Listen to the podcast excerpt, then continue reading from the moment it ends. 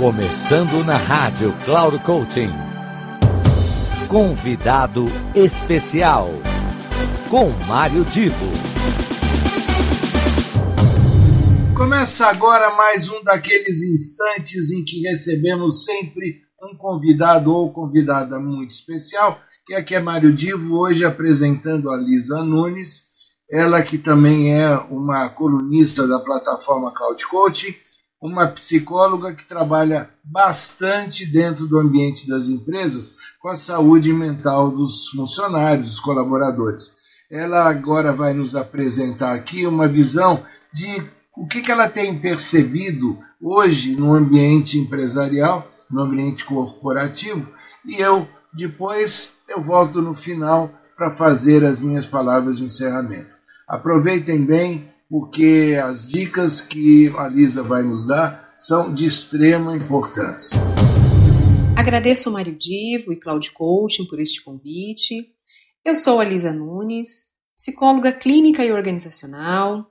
Tenho atuado no cuidado da saúde emocional e prevenção e saúde mental de pessoas dentro das organizações e também no desenvolvimento de lideranças para que possam atuar de forma mais humanizada e obter o melhor aproveitamento das habilidades de cada pessoa dentro das organizações.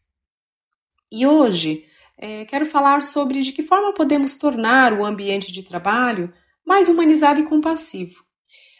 primeiro que fallar de compaixão e ambiente de trabalho pode soar até meio estranho e até mesmo antagônico aos meios de economia do mercado. Mas falarmos de compaixão dentro das organizações quebrarmos o silêncio sobre o sofrimento no trabalho.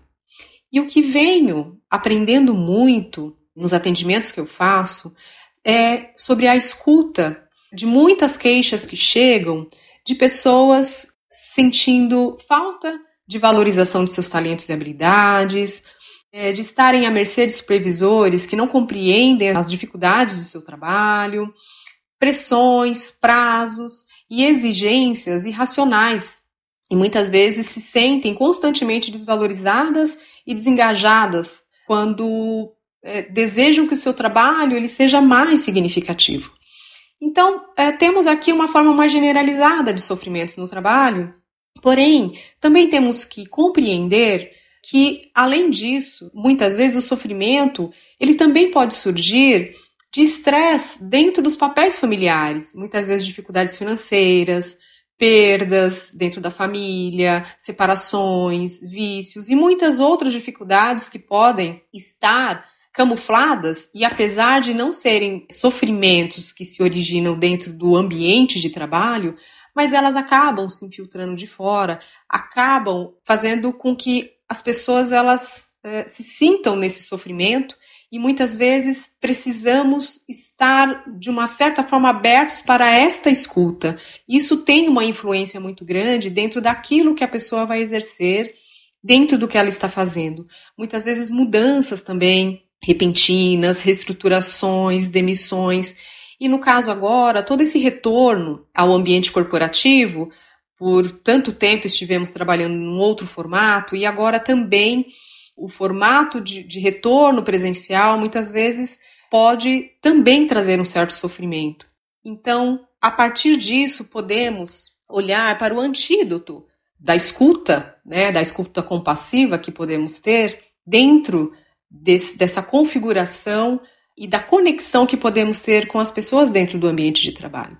E a conexão compassiva ela envolve uma não culpabilização, é, valorizar as diferenças, estarmos presentes. Bom, é um tema bastante amplo, bastante profundo. Eu trouxe aqui algo mais, pode-se dizer, até um pouco mais acima, mas na superfície, mas que pode ser desenvolvido. Cada pessoa, cada gestor pode desenvolver de uma melhor forma este trabalho de escuta mais compassiva, E, assim ter uma liderança realmente mais eficaz. Eu me coloco à disposição e agradeço. Para entrar em contato, eu deixarei aqui o meu WhatsApp, é 011 9 1696 6040. Muito obrigada. Eu tenho certeza que todos vocês gostaram da apresentação da Lisa, que vocês vão pesquisar e conhecer mais sobre o trabalho dela E eu encerro aqui convidando para que todos vocês os acompanhem aqui na plataforma eh, da rádio, eh, também na plataforma onde nós postamos os nossos uh, comentários, as nossas dicas, informações, enfim, todo um conteúdo relevante para que cada um de vocês possa aproveitar tanto na vida pessoal como na vida profissional. Conto com vocês na semana que vem e em toda a programação da Rádio cláudio Coaching.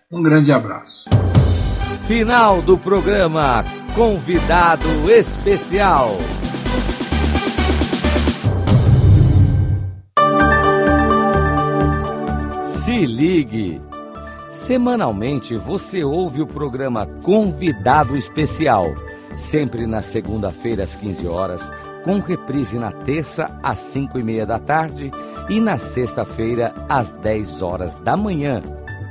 Quem será nosso convidado ou nossa convidada? A surpresa é nossa e a revelação e apresentação